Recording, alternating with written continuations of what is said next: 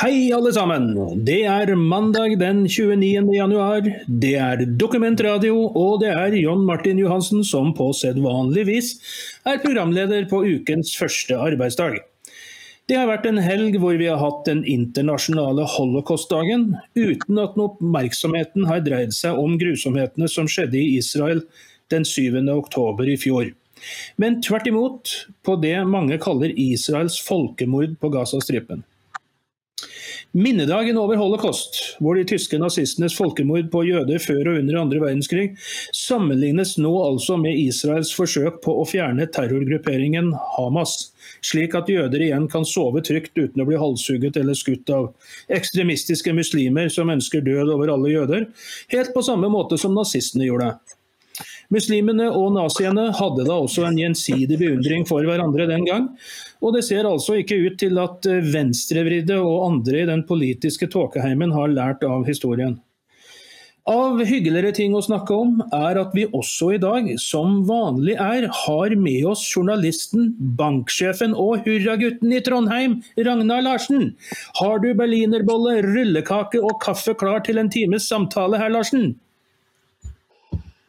Det mangler disse bankene du nevner. Eh, for jeg går på lavkarbo, så jeg spiser ikke veldig mye brødmat. Men kaffe har jeg til, til overvalg. God lytter. Eh, god, god morgen sier jeg til alle lyttere, og ser frem til en god uke. Akkurat. Det er lavkarbo der i gården også, ja. Det, jo, det, det, er, det må vi innom alle innimellom, dessverre.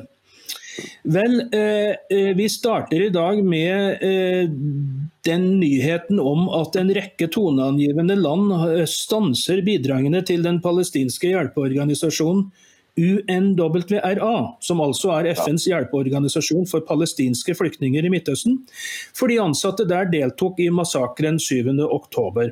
Men det er slett ikke sikkert at Norge gjør det samme, er det vel, Ragnar? Nei, tvert om. Eh, utenriksminister eh, Espen Barth Eine er sitert i Aftenposten i dag på at det er ikke aktuelt for Norge å, eh, å gjøre dette. Men det er jo ikke hvilket som helst land da, som nå har varslet at det stanser utbetalingene til, til denne organisasjonen. Det er foreløpig ti land.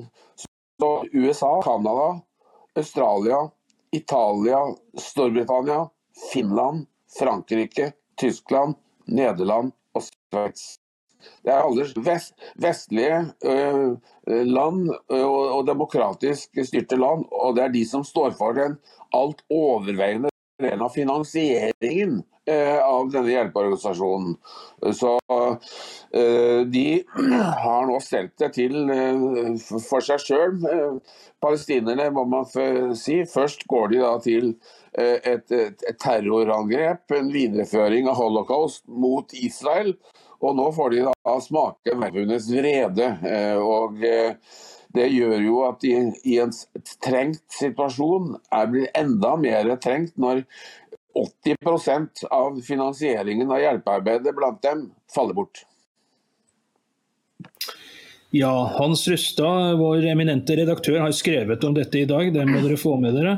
Han skriver bl.a. at anklagene er alvorlige og setter søkelyset på den tette forbindelsen mellom Hamas og denne hjelpeorganisasjonen. Eh, dette er jo eh, Det, det fins nesten ikke ord eh, for, for, dette. Altså, her har vi nå da den internasjonale holocaustdagen, som var nå den 27. januar.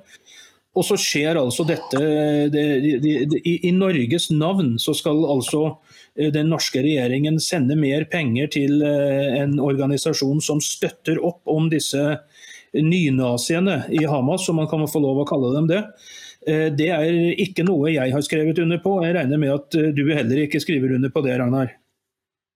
Nei, overhodet ikke. Og denne organisasjonen det organisasjonen UNRWA vi sier da, i, i, i, i, Norge har jo 12, eh, har 13 000 ansatte uh, i, Gaza og er helt ut finansiert av vennligsinnede land eh, verden over. Når jeg sier vennligsinnede, så er det fordi de er vennligsinnede til humanitært arbeid. Og, eh, og, og, eh, men nå tørker finansieringen inn, da, fordi 80% blir borte. Fordi at det er ansatte i, i, i UNRWA som har deltatt i, i den, vår tids holocaust i miniformer på, på Israel den 7. 7. oktober. Uh, og, og, denne sammenblandingen av hjelpeorganisasjon og Hamas, det er det det nå reageres på uh, over den demokratiske verden utenom Norge. Ja, Det er helt uvirkelig. Uh, han skriver at noen av disse som deltok her, de deltok da i nedslaktingen av 97 mennesker på, på en kibbutz. Det var vel der også det var snakk om de, de spedbarna som ble halshugde. Og andre igjen hadde kidnappet en eh, kvinne, og noen deltok i organiseringen av selve eh, angrepet. Dette er eh, særdeles alvorlig. og Hvis man hadde snudd dette på flisa, da, eller snudd på flisa her og, og sett for seg at ja, nei, hvis da Herman Gøring og den gjengen der ikke hadde blitt henrettet under Nürnberg-prosessen, men at vi istedenfor hadde fortsatt å sende penger til dem for å støtte opp eh, arbeidet deres. Så hadde jeg vel tvilt på at eh, den norske regjeringen hadde sendt noe penger, men det er jo egentlig ingen forskjell. Så er det vel, Ragnar? Nei da. Eh, det er så store likheter mellom islamsk kultur og islamsk teknikk at, er, at, de er en parallell til nazismen. Og det var ikke for ingenting at Adolf Hitler besøk, hadde kontakt med islamske ledere i mellomkrigstiden. For der fikk han impulser for å videreutvikle sin egen djevelske lære. Så dette er islam og nazisme. Det er to alen av det, det, det samme stykket. Og det ser vi jo eh, i Midtøsten. Det er jo bare elendighet og terror og drap eh, i så godt som alle land. Det er jo ikke et normalt land som bekjenner islam.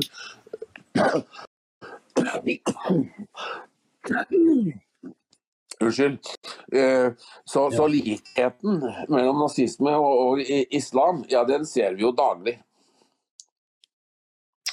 Ja, dessverre så gjør vi det, men det er ikke eh, så veldig mange andre som gjør det. Eh, noe mer hyggelig er alle dere som eh, kommenterer på Facebook under radiosendingen vår. Vi, vi, vi, ser dere, det er veldig hyggelig. God morgen til dere alle. Vi har lyttere med oss fra Jølster og helt til Albir i Spania, så veldig koselig. Vel, disse Eh, muslimene, de, eh, og spesielt da de ekstreme av dem, de, de, de, er farlige. De er eh, vår tids eh, store fare og våre fiender, det er det ingen tvil om. Men dessverre så, så er det ikke alle som ser dette. og det er heller ikke alle som ser hvor alvorlig ting har blitt i Norge for tiden heller. Man, det har, nett, det har vært et, eh, en 75 år gammel dame i Grue i Solør som ble drept av en innvandrer fra Afghanistan. NRK omtaler ham som en mann i 30-årene. Muslimske drapsmenn skal altså skånes fra omtale om både deres etnisitet og religion, fordi det har ifølge NRK og resten av Våk-media ingenting å gjøre med grusomhetene som har blitt gjort. ikke sant? Det er alltid snakk om at det er et enkelttilfelle. Er det ikke så, Ragnar? Ja, det er det. Og det er desinformasjon som, som norske navngivende medier eh, vikler seg inn i.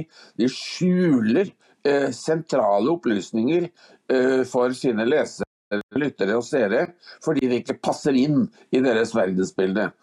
For noen år siden, jeg husker episoden så godt, eh, Eh, så var det avisa Tidens Krav i Kristiansund som omtalte en rettssak mot en, mot en asylsøker som hadde voldtatt en jente på, eh, i Kristiansund. Og da ble trukket for retten, så ble han omtalt som en yngre mann fra Nordmøre. Men han var jo ikke fra Nordmøre, han kom fra Asia. Eh, og Aftenposten har i dag et, en, en større reportasje om voldsutviklingen i, i Bærum. hvor det jo nå eh, hvor politiet regjerer i Sandvika og omegn og pågriper eh, unge menn som går med kniv. Og det er altså barn i 11-12-årsalderen som går rundt med kniv. Og de kommer fra Oslo eh, for å selge narkotika. Eh, og da er det kamp om salgsstedet, så å si territoriene i, i, i pengerike Bærum. Men de forteller ikke Eh, at det er innvandrermiljøer som da søker seg til eh, de, de feite jaktmarkene i, i Bærum. Det holdes skjult eh, for, for, leserne, så de må liksom resonnere seg frem til å, å lese mellom linjene. I krigen, hvor man hadde ja, frykt for å bli, bli, bli, stoppet av den tyske sensuren, så skrev han eh, tvetydig og mellom linjene slik at leserne skulle trekke sine egne konklusjoner uten at man eh, skrev i klartekst. Og Sånn er det i Aftenposten. Og alle, ikke alle, men andre store medier gjør det fortsatt. Viktig informasjon det holdes skjult eh, for lesere og lyttere og, og, og seere, som da må resonnere seg for virkeligheten på egen hånd.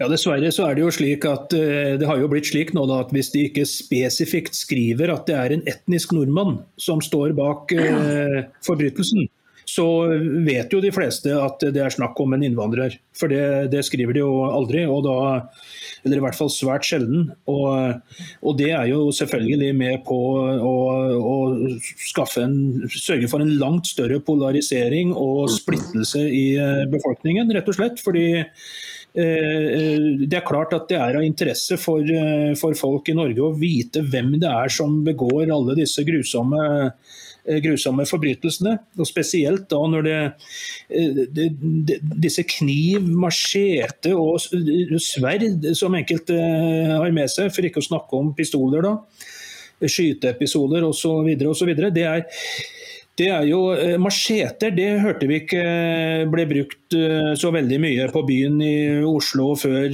før i tiden, Ragnar. Det, det, det, var ikke så veldig mange fra Vålerenga som tok med seg machete ut på byen, altså. Nei, machete det var vel egentlig et arbeidsredskap som de brukte i i, i sukkerplantasjene og i jordbruket i, i, visse land, det. men som de nå har tatt med seg da, inn, inn, i dagliglivet eh, mange steder. Så det, det, det har stusset lenge over hvorfor politiet ikke slår sterkere ned på knivbruk. Og hele tatt, Det å bære kniv på et offentlig sted det er jo forbudt. Det ble forbudt av Stortinget for 35-40 år siden. Så kom det en bestemmelse i straffeloven om det. Og Da ble det jo liksom vitset litt da, om at jaså, skal vi ikke lenger ha lov til å ha en, en pyntekniv på, på, bunaden 17. mai. Men det var ikke det dette rettet. Det er fortsatt lov å ha kniv på bunaden 17. mai og, og andre bunadsdager. Men men det er annen knivbruk som er forbudt. Eh, eh, men allikevel så dette, griper dette om seg. Du leser avisene i landet rundt, riktignok ikke foreløpig i Nord-Norge. De henger litt etter i utviklingen på akkurat det, det området, men også her i byen i Trondheim så griper jo politiet eh, unge menn som går rundt med, eh, med, med, kniv på seg. Så dette blir en del av kulturen, og dette er jo en livsfarlig eh, utvikling. Men vi kan merke oss én ting når det gjelder forbrytelser. Eh, hvor da den antatte gjerningsmann eller den som blir domfelt, der står det, pleier å stå vedkommende var norsk statsborger. Det er en annen måte å si det på, at vedkommende er innvandrer. Eh, antagelig da annen generasjon. Eh, så kan, det, Dette er liksom sånn liksom-fremstilling. Når du må lese mellom, eh, mellom, linjene, så står det i en rettsreportasje eller en kriminalnotis at, at gjerningsperson eh, er norsk statsborger. Da er vedkommende innvandrer. Vi sier god morgen til Sonja fra Andenes, eh, Atle i Hornindal og ikke minst John Ludvig eh, i Thailand, for han er ikke fra Thailand. Eh, slik som vi snakker om her. Og man kan jo tenke seg f.eks. om eh, han eh, John Ludvig da hadde begått et knivdrap eller noe i Thailand, om det da hadde blitt beskrevet i med, thailandske medier som en, en fra Pattaya eller en fra Shonbury i Thailand som hadde begått det drapet, det, det vet vi jo alle svaret på at det hadde jo selvfølgelig blitt beskrevet som en nordmann som han jo er, eh, som hadde begått dette. Og når du snakker om det med kniv, eh, Ragnar, så, så var det jo i natt et knivran på Torshov i Oslo. Og eh, Der leter politiet etter gjerningspersonen fortsatt, så vidt jeg vet. Og Der ville altså ikke politiet oppgi verken signalement eller etnisitet på raneren når de skrev om dette på X, som det heter nå i, i, dag. Og Det føyer seg jo da bare inn i den rekken av uh, poenger som vi nettopp har kommet frem med nå. Her uh, må man da lese seg gjennom linjene, eller rett og slett bare forstå at siden de ikke skriver at det er en etnisk nordmann som de leter etter for dette knivranet, ja da er det etter all sannsynlighet en innvandrer. Slik har det jo blitt uh, i dag. og uh, Når de vil seg selv så vondt, så uh, jeg ser jo også at folk kommenterer jo på det politiet skriver på X med det samme. Er dette, hvem er det dette er? Er det en nordmann? Er det en innvandrer? Hvorfor får vi ikke vite signalement? på denne raneren hvis han fortsatt har etterlyst, ikke sant, osv. osv. Jeg er litt usikker på hvorvidt liksom, jeg tror ikke at det er politiet selv som uh, nødvendigvis uh, gjør dette. Noen av dem gjør nok det. Vi har jo en del woke-folk i politiet etter hvert også, det er ingen tvil om det. Men uh, det kan nok heller være snakk om at her snakker vi rasismeparagrafen og myndighetene som ønsker at politiet skal anonymisere dette. Tror ikke du også det, Ragnar? Jo, så, ja da, du har helt rett i det. Og så er det jo det at de avskjærer jo uh, vitner til, til, å melde seg også. Uh, når de da ikke kan oppgi signalement på den som er etterløst. Uh, hvordan skal da folk kunne hjelpe til med, med, i etterforskningen ved å avgi vitneforklaringer og, og, komme med tips som man ikke vet hva slags folk politiet er på jakt etter? Så dette er de, Politiet hemmer sin egen etterforskning. Eh, fordi at de da lider under en uh, kultur av å være politisk korrekt. Og Slik er det jo blitt fordi uh, Norge har en politidirektør, og i Oslo har de en politi som benekter at det er en sammenheng mellom etnisitet og kriminalitet. Og det er klart at Dette sprer seg nedover i, i politiets rekker, skaper en kultur hvor for, forbrytelser forbrytelsesmenns eh, herkomst skal, skal, holdes eh, skjult. For hvis du da er for tydelig på å markere slike ting, så vil det kunne hemme, det kunne hemme din egen karriere i, i, politietaten. Og sånn korrumperes jo hele etaten eh, når man da er, har forbud i praksis mot å gi viktig informasjon som kan bidra til å oppklare forbrytelser. Ja, jeg sitter faktisk med noe intern informasjon fra året 2021 i Oslo fra politiet. Som jeg da eh, dessverre ikke kan eh, gå ut med. Men det gjelder da en statistikk eh, over antall overfallsvoldtekter som ble begått det, det året. Og den statistikken, Der kan man se etnisitet på, på, hvem som har begått disse overgrepene. og Den var regelrett sjokkerende. Så jeg kan for så vidt forstå at det ikke vil gå ut med noe sånt noe i media, fordi det ville jo ha utløst et ramaskrik selv i Norge over om at eh, visse grupperinger nok eh, eh, ikke burde få komme til Norge noe mer, så lenge det er slik. Det, det, det er nok ganske sikkert. Men dette holder altså politiet internt, og går ikke ut med. Eh, og det er, eh, det, er, eh, det er, rett og slett å holde, holde folk da, føre folk bak lyset, som du nevnte, Ragnar. Vi får altså ikke vite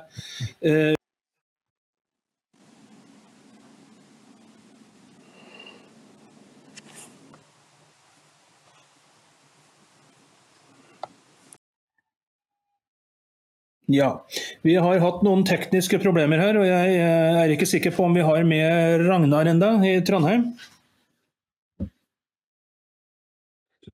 Han er på veien. Jo. Er vi på lufta nå, eller nei? Ja. Ja. Vi er på lufta. ja, jeg er med. Du er med, Ragnar. Da ble det altså noen tekniske problemer her. Vi fikk noe strømbrudd og noe tull og tøys. Så det er bare å beklage overfor lytterne. Dessverre så er det sånne ting som er utenfor vår kontroll som kan skje.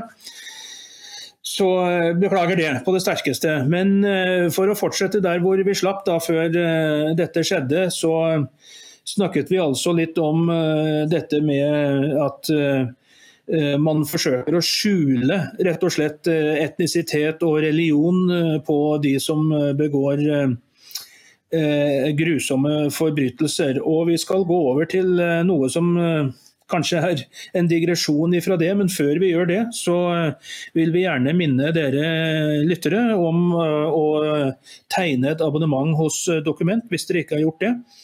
Det er den beste måten dere kan støtte oss på, og dere selv da på den måten. Dere kan selvfølgelig vippse oss på 638941 hvis dere heller vil det. Eh, og selvfølgelig så må dere like Facebook, eh, like Facebook-siden vår, dele artiklene våre og ikke minst lese dem, eh, selvsagt. Men Ragnar, for å komme litt tilbake til politikere, som jo sitter og i utgangspunktet bestemmer hvem det er som skal gjøre hva eller ikke her, de sutrer nå. De, de mener de mener rett og slett at uh, det å bli avslørt for kjeltringstrekene sine, det, det, er, det er, media sin skyld. Det er, det er media det som, som, nå, som, har skylden for at de blir avslørt uh, for forbrytelser, rett og slett. Uh, og de mener da at flere stortingspolitikere, sågar visepresidenten på Stortinget fra Høyre, han mener at nå er det mange som ikke vil inn på Stortinget da, i frykt for å bli avslørt. Og, og, og Eh, det, det, går så langt at uh, det sågar blir sagt at man, man, tar og føler på redselen for å bli avslørt. Som Ola Borten, Borten Moe sier. og da er det vel slik at Hvis man har sånne svin på skogen, så går man vel heller i ledtog sammen med Pål Enger da enn å sitte på Stortinget, eller hva mener du Ragnar?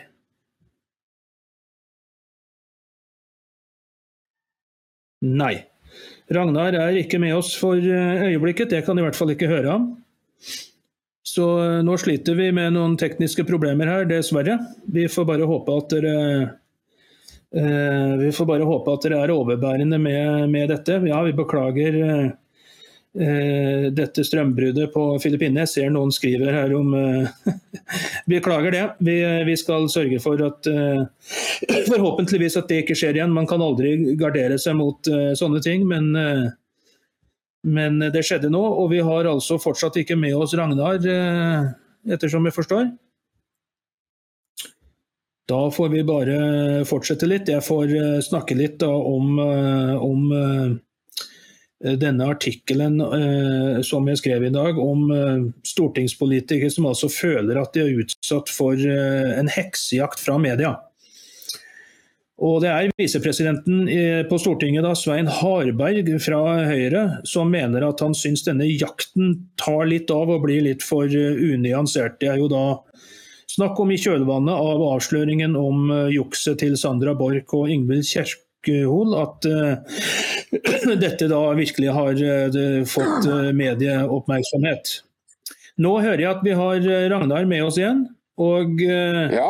da skulle det vært morsomt å høre hva du mener om politikerne på Stortinget som nå mener at det er media sin skyld at de blir avslørt for kjeltringstrekkene sine. Hva eh, ja, syns du? Er... Altså, hvis, man, hvis, man, har svin på skogen, eh, så, så sitter man vel ikke på Stortinget, gjør man det? Eh, ja og nei. Det finnes jo tilgivelse for alt, vet du. Men det,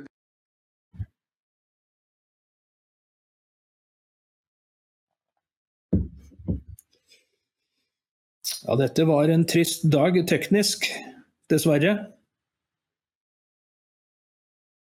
Ragnar er eh, borte igjen. Ja, eh, vel, da får vi bare fortsette. Eh, Harberg mener litt av det samme som kanskje det Ragnar ville si her. Det får vi høre. Håper han kommer tilbake igjen fort. Han mener at i et velfungerende folkedemokrati så er det plass til folkevalgte da med forskjellig bakgrunn og livserfaring. Det må jo være greit, eh, men det kan jo ikke bety at man kan ta inn kjeltringer og regelrette tjuver og banditter. Løgnere og juksemakere. Det, må jo være, det, det mener Mimir Kristiansson fra Rødt for øvrig. Han mener det at det å ha vært på fylla, plagiert eller gjort andre menneskelige feil, det er faktisk en viktig erfaring å ha, mener han. Så det, Jeg vet vel ikke riktig om man kan sammenligne det å ha vært på fylla med plagiat eller uh, å stjele solbriller på taxfree-butikker på flyplasser, men eh, greit nok.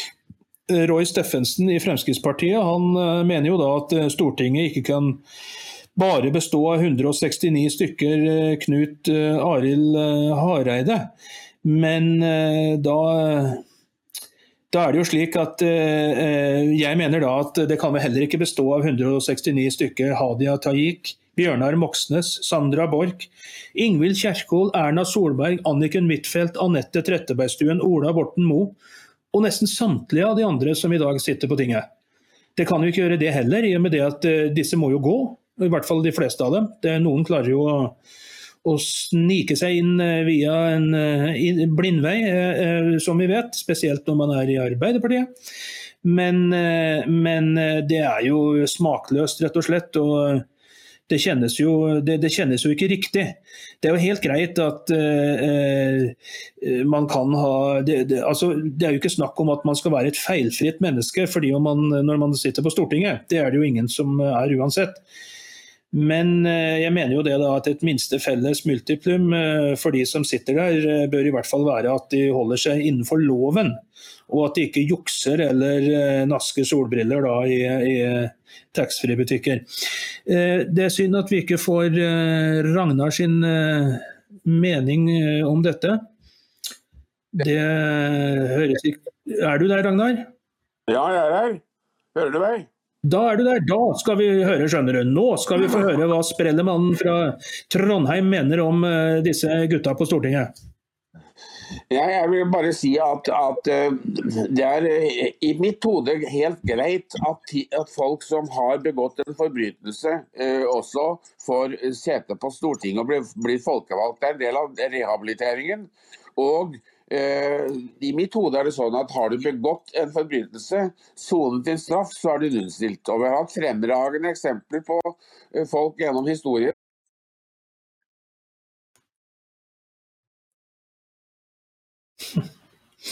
Ja, vi har ikke Vi har ikke teknologien med oss i dag, altså. Vi, eh, vi sliter med dette. Så, eh, men eh, vi hørte jo alle hva Ragnar eh, sa der, og eh, Ja. Ja, vel. Det er lite vi kan få gjort med teknologien. Det er altså ikke bare på Filippinene det er teknologiske problemer her. Det er vi da i aller høyeste grad i Norge òg, som vi opplever her nå. Så det er ting som kan skje. Normalt sett så skjer jo ikke dette, men eh, man kan aldri gardere seg mot det så lenge vi, vi driver radio på den måten vi, vi fortsatt gjør. Forhåpentligvis så, så, kan vi komme inn med noe bedre løsninger etter hvert her, men foreløpig så får vi, vi fortsette på det viset vi gjør. Det hadde vært eh, fint om vi fikk inn Ragnar igjen, det hadde hjulpet veldig. Men eh, Istedenfor å bare sitte og høre på meg eh, tørrprate her, så er det langt mer interessant å høre Ragnar sine ekspertkommentarer om de forskjellige tingene. Eh, og jeg er ingen ekspert på noe som helst, men det er Ragnar. Så derfor så blir det da en, eh, en sending i minus, dessverre, i dag. Vi får bare håpe at vi får Ragnar tilbake igjen så fort som mulig. Eh, det blir vanskelig å gå videre, liksom, føler jeg, uten han. Vi kan jo for så vidt dvelle litt mer med akkurat den biten her, da, om eh, ja, Ragnar, jeg får høre her nå at uh, det er dårlig signal fra, fra, Ragnar i Trondheim. Så vi, det er altså Det er altså tekniske problemer i dag. Det er, uh, det er synd. Dessverre så ble det slik. Men jeg håper dere er overbærende med det. Vi får liksom ikke vi får liksom ikke gjort så mye med det. Ragnar forsøker å, å komme tilbake igjen her, så vi får bare holde ut litt til. Imens så får jeg ja, jeg kan jo snakke litt mer om, eh, om, dette for min del. Jeg hørte jo Ragnar nevnte noe om at det kan være en fin rehabilitering. Eh, for så vidt enig i det at eh, ja, rehabilitering og sitte på Stortinget, det var jo en god tankegang, faktisk.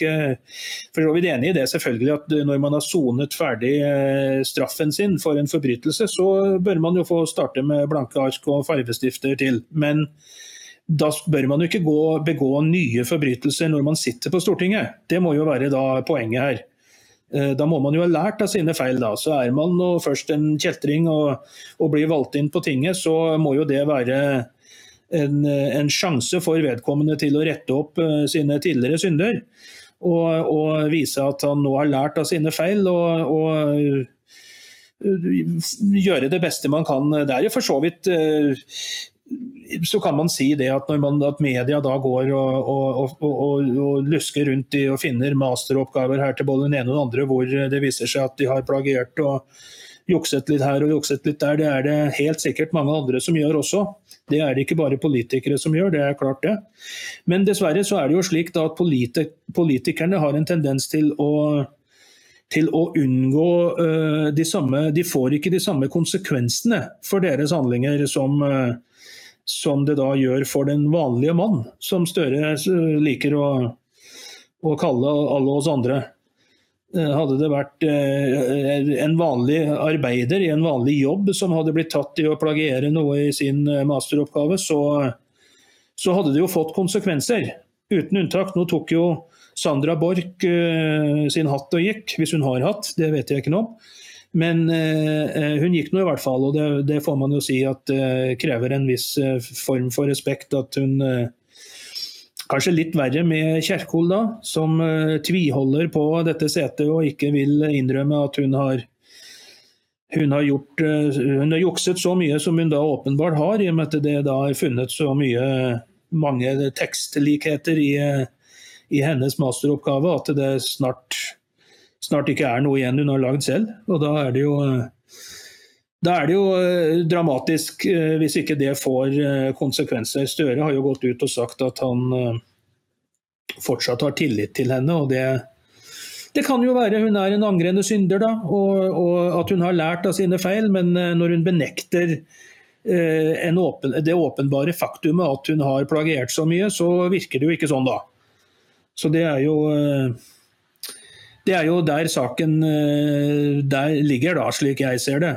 Så er det så er det eh, Jo, jeg, jeg syns det var, for så vidt var en interessant tankegang det om at eh, kjeltringer, banditter, skurker, svindlere osv. som har sittet i fengsel, de kan jo gjerne rehabiliteres ved å bli valgt inn på Stortinget, at de får sitte der en periode og se om de kan eh, vise eh, folket at de nå har lært av sine synder. og Hvorfor ikke? Hvorfor ikke? Jo, de, like, de, de, bør jo ha de samme mulighetene de som alle andre. Det skal jo ikke være forbeholdt en uh, viss elite å sitte på Stortinget, det er noe helt sikkert. Så det burde, jo vært, det burde jo være for alle, også for de som da har sittet i fengsel, selvfølgelig.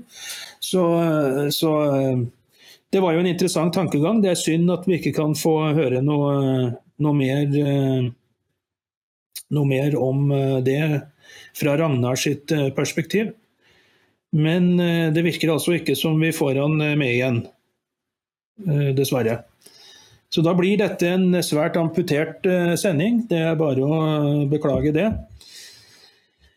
Jeg kan jo for så vidt ta dere med videre på det neste, eh, eh, neste oppslaget, nyhetsoppslaget i dag som vi, vi, hadde på planen, det er jo det er eh, tilbake til Oslo da, og, og salting av veiene der. Det skaper nå harme hos flere.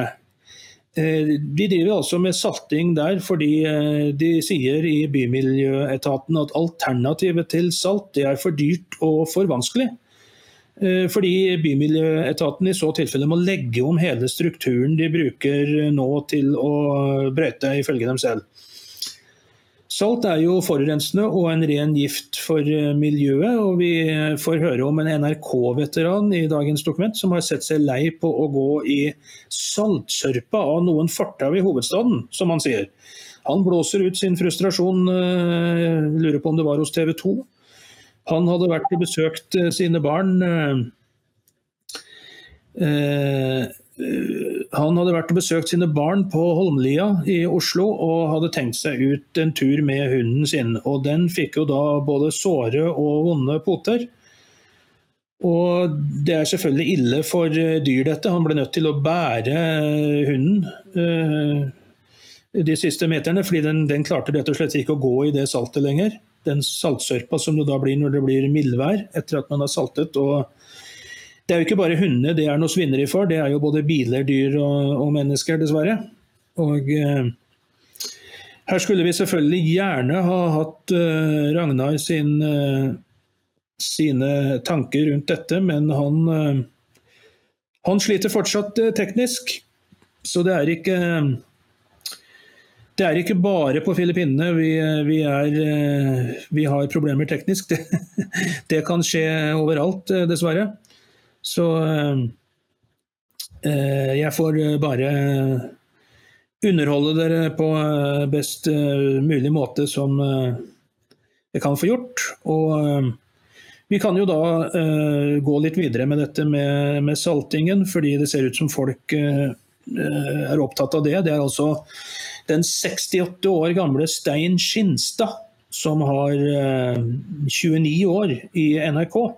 Han bor selv på Lillehammer, men eh, han eh, har da barn på Holmlia i Oslo, de bor der. og han var derfor da her, og han, han, mener da at de bruker ikke salt på Lillehammer, men Eh, driftssjefen for Bymiljøetaten i Oslo han sier at det er fordi Lillehammer de har eh, et annet Der er det ikke slik som det er i Oslo, av en eller annen grunn. Så han mener at det ikke er mulig å komme utenom en eller annen form for salting i den vinterdriften som eh, de driver med. og det det reagerer altså ikke bare NRK-veteranen på, men veldig mange på. Det er det, er, eh, det, det, det, ødelegger det meste. Og det er, eh, det, er jo oppskrift på å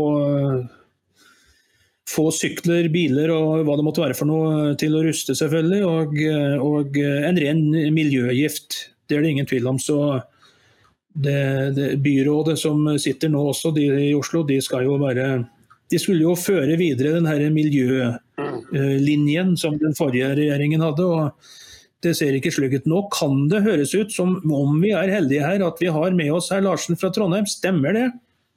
Jeg hører deg. Hører du meg? Nå hører jeg deg. Det var ja, det, godt. Nå har vi eh, Jeg sitter jo kjeda leserne med min tørrprat her, og vi har allerede kommet da til, eh, til eh, saltingen på gang- og sykkelveier i Oslo, og på veiene i seg selv. og Eh, her eh, savner vi din eh, ekspertuttalelse på området, vet du. Ja, saltingen er blitt et, et, veldig problem. og Det virker som om man mange steder salter veiene istedenfor å brøyte dem. Og Det går jo med vanvittige mengder salt, som jo til dels går ned i, i grunnen og grunnvannet. Vi hadde for noen få år siden en sak fra, fra Telemark hvor de saltet E100 eh, e riksveien, eller europaveien gjennom Telemark, eh, jeg tror det var i Vinje. Eh, at det, var en, en gårdbruker som fikk brønnen sin forurenset av avsig fra veien fordi de saltet i så vanvittige mengder. Og så er det jo det at man skulle jo tro at, at saltingen var sponset av bilverkstedene fordi at det fremmer jo rust. Eh, på, på, på, bilene. sånn at eh, og, og det har har veldig mange negative eh, virkninger med denne overdrevne saltingen. Det må jeg ha lov til å, å, å, si. altså. Så det er merkelig at ikke miljøvernorganisasjoner er mer opptatt av dette enn det de, enn det de er. Ja, det er ganske pussig. Og vi får igjen beklage til eh, alle lytterne med de tekniske problemene som vi har opplevd i dag. Jeg ser at noen av dere er forståelsesfulle for eh, dette. Takker for det. Eh, de sier, en sier her, Nina Sørensen sier vind og strøm mot teknologi. Det som går på strøm, det er ikke enkelt, og det er sant. og man burde vel finne, finne, opp et eller annet her som gjør at man slipper disse problemene. Men vi skal komme tilbake med bedre radioløsning etter hvert. Men slik det er nå, så eh, det er ikke bare mørkt overalt. Det er ikke strøm... Det er, det er ikke mørkt overalt. Er, noen ser lyset, og det er ikke Jonas Gahr Støre vi snakker om, for der er det virkelig mørkt. Noe som vi kanskje får tid til etterpå, det vet jeg ikke. Men det er en mann i England som altså foretok en kjønnskorrigerende operasjon for en del år siden. Det angrer han svært på nå. Han er selv naturfaglærer, og går ut nå og sier at det er umulig å forandre det kjønnet man er født med. Og Det er vel ikke akkurat noe spesielt nytt for normalt oppegående mennesker uten psykiske forstyrrelser eller andre sinnslidelser, er det vel, Ragnar? Nei da, det, det, det, det, er det ikke. Men det er så vanvittig opptatt man er blitt i vår tid av kjønnet. Man er jo født med det kjønn man har. Har du, har du utovertiss, så, så er du en gutt og en mann. Er, har du innovertiss, så er du født som jente som blir til kvinne. Eh, dette har jo vært opplagt fra tidenes morgen, og er det fortsatt. Men så er det noen som da definerer seg som da et flytende kjønn.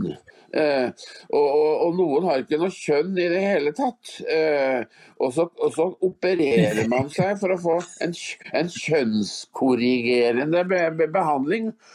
Man må jo være fornøyd med det kjønn man har, og, noen det er noen som da eh, er annerledes. Man fremstiller dette som et alminnelig stort eh, folkehelseproblem. Det er det jo ikke. De som eh, er gile og føler tiltrekning til mennesker, altså seksuell tilknytning, tiltrekning til mennesker i sitt eget kjønn, ja, det er jo ikke noe problem for, for noen. De får å være sånn, da. Jeg sier som tidligere helsedirektør Torbjørn Mork at jeg jeg, godtar at de er sånn, men jeg forstår dem ikke. Og eh, så er det noen som har et flytende kjønn, som også krever ekstra oppmerksomhet. Så hvis du har et flytende kjønn, da, så må du jo Eh, såkalt kjønnsinkongruens, fint skal det være. Eh, de, de, hvis du skal drive med idrett, da, så kan du også en dag være medlem av, kvinne, av, av damelaget i fotball, og en dagen etterpå føler du deg som mann, skal være medlem av laget. Det er klart at dette fører jo helt bort til hampen, men, men veldig mye, mange i media er, er opptatt av dette. NRK Trøndelags morgensending i radio var i sin helhet, bortsett fra én sak, viet at man da hadde fått innsatt som ny prest i Nidarosdomen eh, en mann som da var ikke-binær, jeg vet ikke helt hva det er for noe, men, men var nå blitt vigslet av biskopen. Og det var altså den store eh, saken. Altså, hvorfor gjør vi et nummer av eh, avvik? Det er lov å være avviker. Det er lov å ikke være, å ha, å ha kjønnsingrediens og, og, lov å være, uh, ha annet, uh, en annen legning enn en det, det, det, flertallet har. Men hvorfor skal vi hele tiden gjøre et stort nummer av det? Til og med gjøre det til politikk? Det skjønner jeg ikke.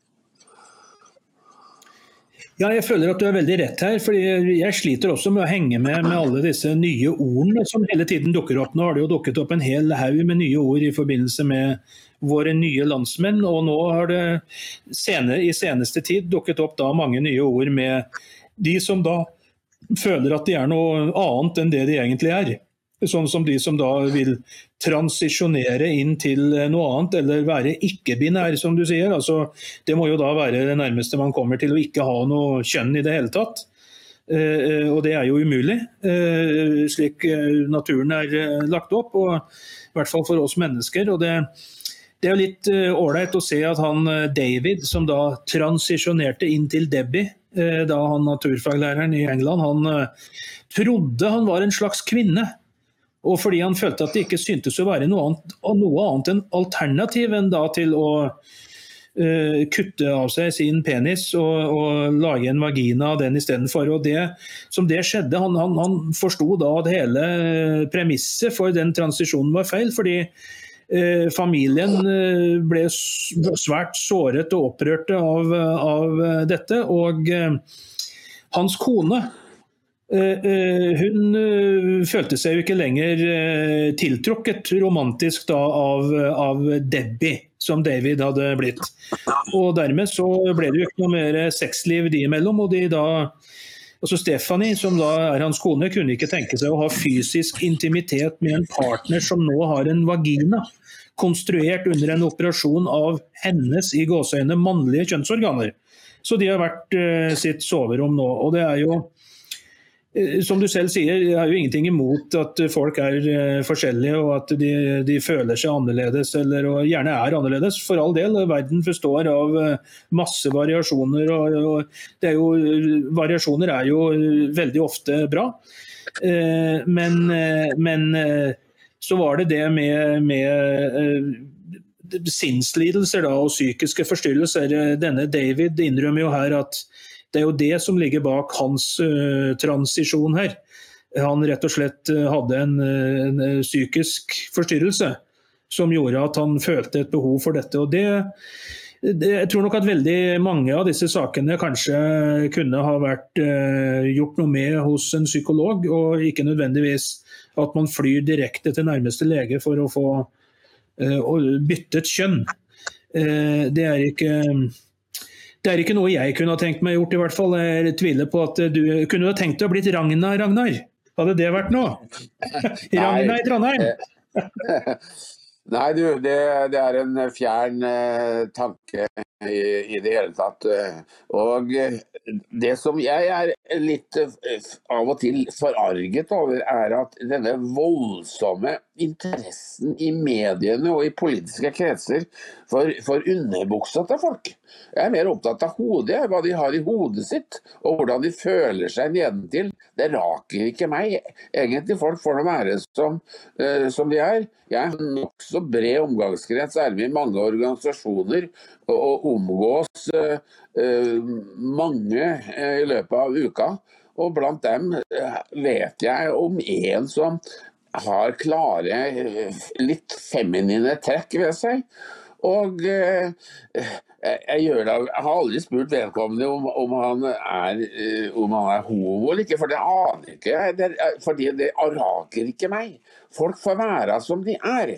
Eh, de er skapt i Guds bilde, og, eh, og, eh, selv om skaperen ikke alltid har vært like vellykket i sin gjerning, så, så får man å leve med resultatet. Men det er altså denne voldsomme opphaussingen av alt som har med kjønnsidentitet, kjønnslige orienteringer, som jeg reagerer på.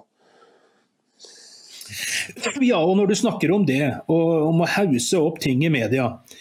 Nå er det dårlig vær i store deler av Nord-Norge, og media går da ut med varsel om at det kan bli orkan.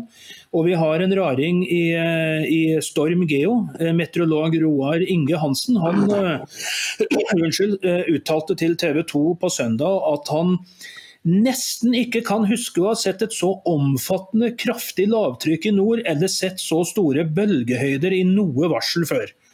Han, eh, han, må jo Kanskje han burde ta seg en tur og kjøpe nye briller, eller hva mener du, Ragnar? Ja, eh, jeg har også lagt merke til eh, dette med at meteorologer i de ymse værmelderorganisasjoner har en tendens til å overdrive noe grassat. Det har vært mye vær i, i, vinter på Vestlandet, Sørlandet og, på, Østlandet. Men eh, de, de, aller meste av disse varslene har jo vært sterkt overdrevne. Det kom ikke 80 millimeter på et halvt døgn, men det kom kanskje halvparten. Eh, og det var ikke grunnlag for å sende ut oransje farevarsel. For, det hadde man jo ikke før i tida varevarsel, noe, noe farevarsel. Man meldte været så godt man, eh, man, man kunne. Og Norsk meteorologisk tjeneste går jo for å være blant de ypperste i, i verden. Den grunnlaget for moderne meteorologi ble jo lagt på Blindern i Oslo av Norsk meteorologisk institutt allerede i, like etter første verdenskrig. Så det er ikke der, men jeg presenterer konfrontasjon som er så dramatisk, og som mediene hauser enda eh, mer opp. Og eh, Jeg sitter akkurat fra vinduet og ser ut over Trondheimsfjorden fra min panoramautsikt på Moholt. Og nå ser jeg at, eh, at Hurtigruta kommer inn. Det er altså sør-nordgående hurtigrute som da kom fra Kristiansund, og som nå er en Eh, halv time forsinket. Den skulle ha vært her klokka halv ti, og nå er klokka straks eh, ti. Men den fortsetter jo eh, nordover. Åpenbart ikke tenkt å legge seg til, til, til, til kai. Fordi været har det med seg at det går over. vet du. Og at Skulle man ha kommet på Helgelandskysten, kommer til Brønnøysund, Sandnessjøen og Nesna, og det er umulig å fortsette, ja ja, da tar man seg en pause. da. Det er ikke verre enn det. Nei, det er sant det. Og det, det, det, det, har blitt et sånt hysteri i dag hvor alt skal uh, overdrives, uh, som du sier i media. Og det, du ikke fikk tid til å, eller mulighet til å si så mye om, da, det var jo ble, vi ble avbrutt uh, i pga. våre tekniske problemer. Det var jo da med stortingspolitikerne som som jo har blitt tatt for forskjellige kjeltringsreker. Eh, og eh, med, De skylder da på media for at media eh, roter frem dette og blåser opp det som en stor sak. og, og der, der, hadde du noen gode poenger som du ikke fikk kommet helt igjennom med, så du kan gjerne ta det nå. Vi holder på litt lenger i dag siden vi hadde disse problemene. så La oss høre Ragnars tanker om, om sutringen fra politikerne om at media er etter dem hele tiden. Ja, nei, det er, jo også, det er også Politikerne gjør som ungene. De skylder på noen andre når de blir tatt for noe som er, er ugreit. Og dette spørsmålet, Det som jo er uregelmessigheter ved stortingsrepresentanter som er avdekket de, de senere årene, de er jo eh, over et bredt felt. Alt er ikke like kritikkverdig, men mye av det står seg eh, veldig godt. Vi hadde altså en stortingspresident som kort og godt ikke visste hvor hun bodde. Eh, hun var altså eh, formelt sett da hjemløs eh, uten fast bopel, en slags uteligger. Hun var registrert i Trondheim hvor hun ikke bodde. Og hun visste ikke egentlig, og forlangte da kystgodtgjørelse og, og diettgodtgjørelse for å bo der hun da bodde, og som ikke hun var berettiget til. Så Eh, og det var de som også eh, Vi hadde jo en stortingsrepresentant for noen år siden som jo ble straffedømt for å ha bedratt staten når det gjelder hensyn til pensjon, ved bevisst og oppgitt eh, feilaktige data. Og nå ni statsråder som er byttet ut i, i, i, i Jonas Gahr Støres regjering. To fikk regelrett eh, sparken av andre grunner, men de sju andre har altså viklet seg inn i, eh, ugreie forhold av forskjellig slag. Og eh, saken når det gjelder Ingvild Kjerkol er jo ennå ikke, ikke avklart. Jeg vil kanskje også legge til for årets skyld at jeg syns noe av kritikken mot politikere er uberettiget, og at mediene blåser opp eh, saker som er en, er en, detalj. Men det aller meste er det hold i. Og det, det, er jo, eh, det er ikke mediene man skulle skylde på. Når politikeres anseelse er fallende, så må politikerne gå i seg sjøl. Ja, det har du helt rett i. og det, det, det, Jeg nevnte tidligere når du var ute her at eh, det, er selvfølgelig lov å, å og, gjøre godt igjen for uh, ting man har gjort feil før i livet. Uh, klart det. Alle bør jo få en, en, ny mulighet. Men man bør jo da forsøke, i hvert fall så godt man kan, å unngå å fortsette med kjeltringstreker når man først sitter på Stortinget. Når man har fått den muligheten, i hvert fall. Og vi husker jo den pendlerboligsaken, som jo ble veldig stor. Og Du snakket om stortingspresidenten som ikke visste hvor hun bodde. Det, Her hadde vi jo da Hadia Tajik, som jo ikke ble ettergått heller av Økokrim. Hun visste jo ikke at hun hadde leiekontrakter. og Eh, hun visste jo ingenting, hun heller. Hadde jo aldri gjort noe galt. Og hun forsøkte jo fra starten av å hindre Aftenposten, var det vel, eh, tror jeg, eh, som, ville, som, begynte med denne saken og kontaktet henne. Og hun da, gikk da hardt ut for å stoppe rett og slett Aftenposten i å publisere dette. og Det er liksom typisk når man blir tatt for noe som faktisk er ulovlig, og man har gjort noe ulovlig at man gjør det man kan for å forsøke å stoppe dette. Eller, eh, på den måten så kan man jo kanskje si at eh, i Sandra Borch sitt tilfelle så, så må man ha en viss form for respekt. At hun eh, rett og slett bare da uten noe dikkedarier tar sin hatt og går. Men det gjorde altså ikke Tajik, som ble tvunget altså Støre ble da tvunget til å, å fjerne henne som nestleder og videre. Og eh, Det er vel litt av det vi opplever nå med Kjerkol òg.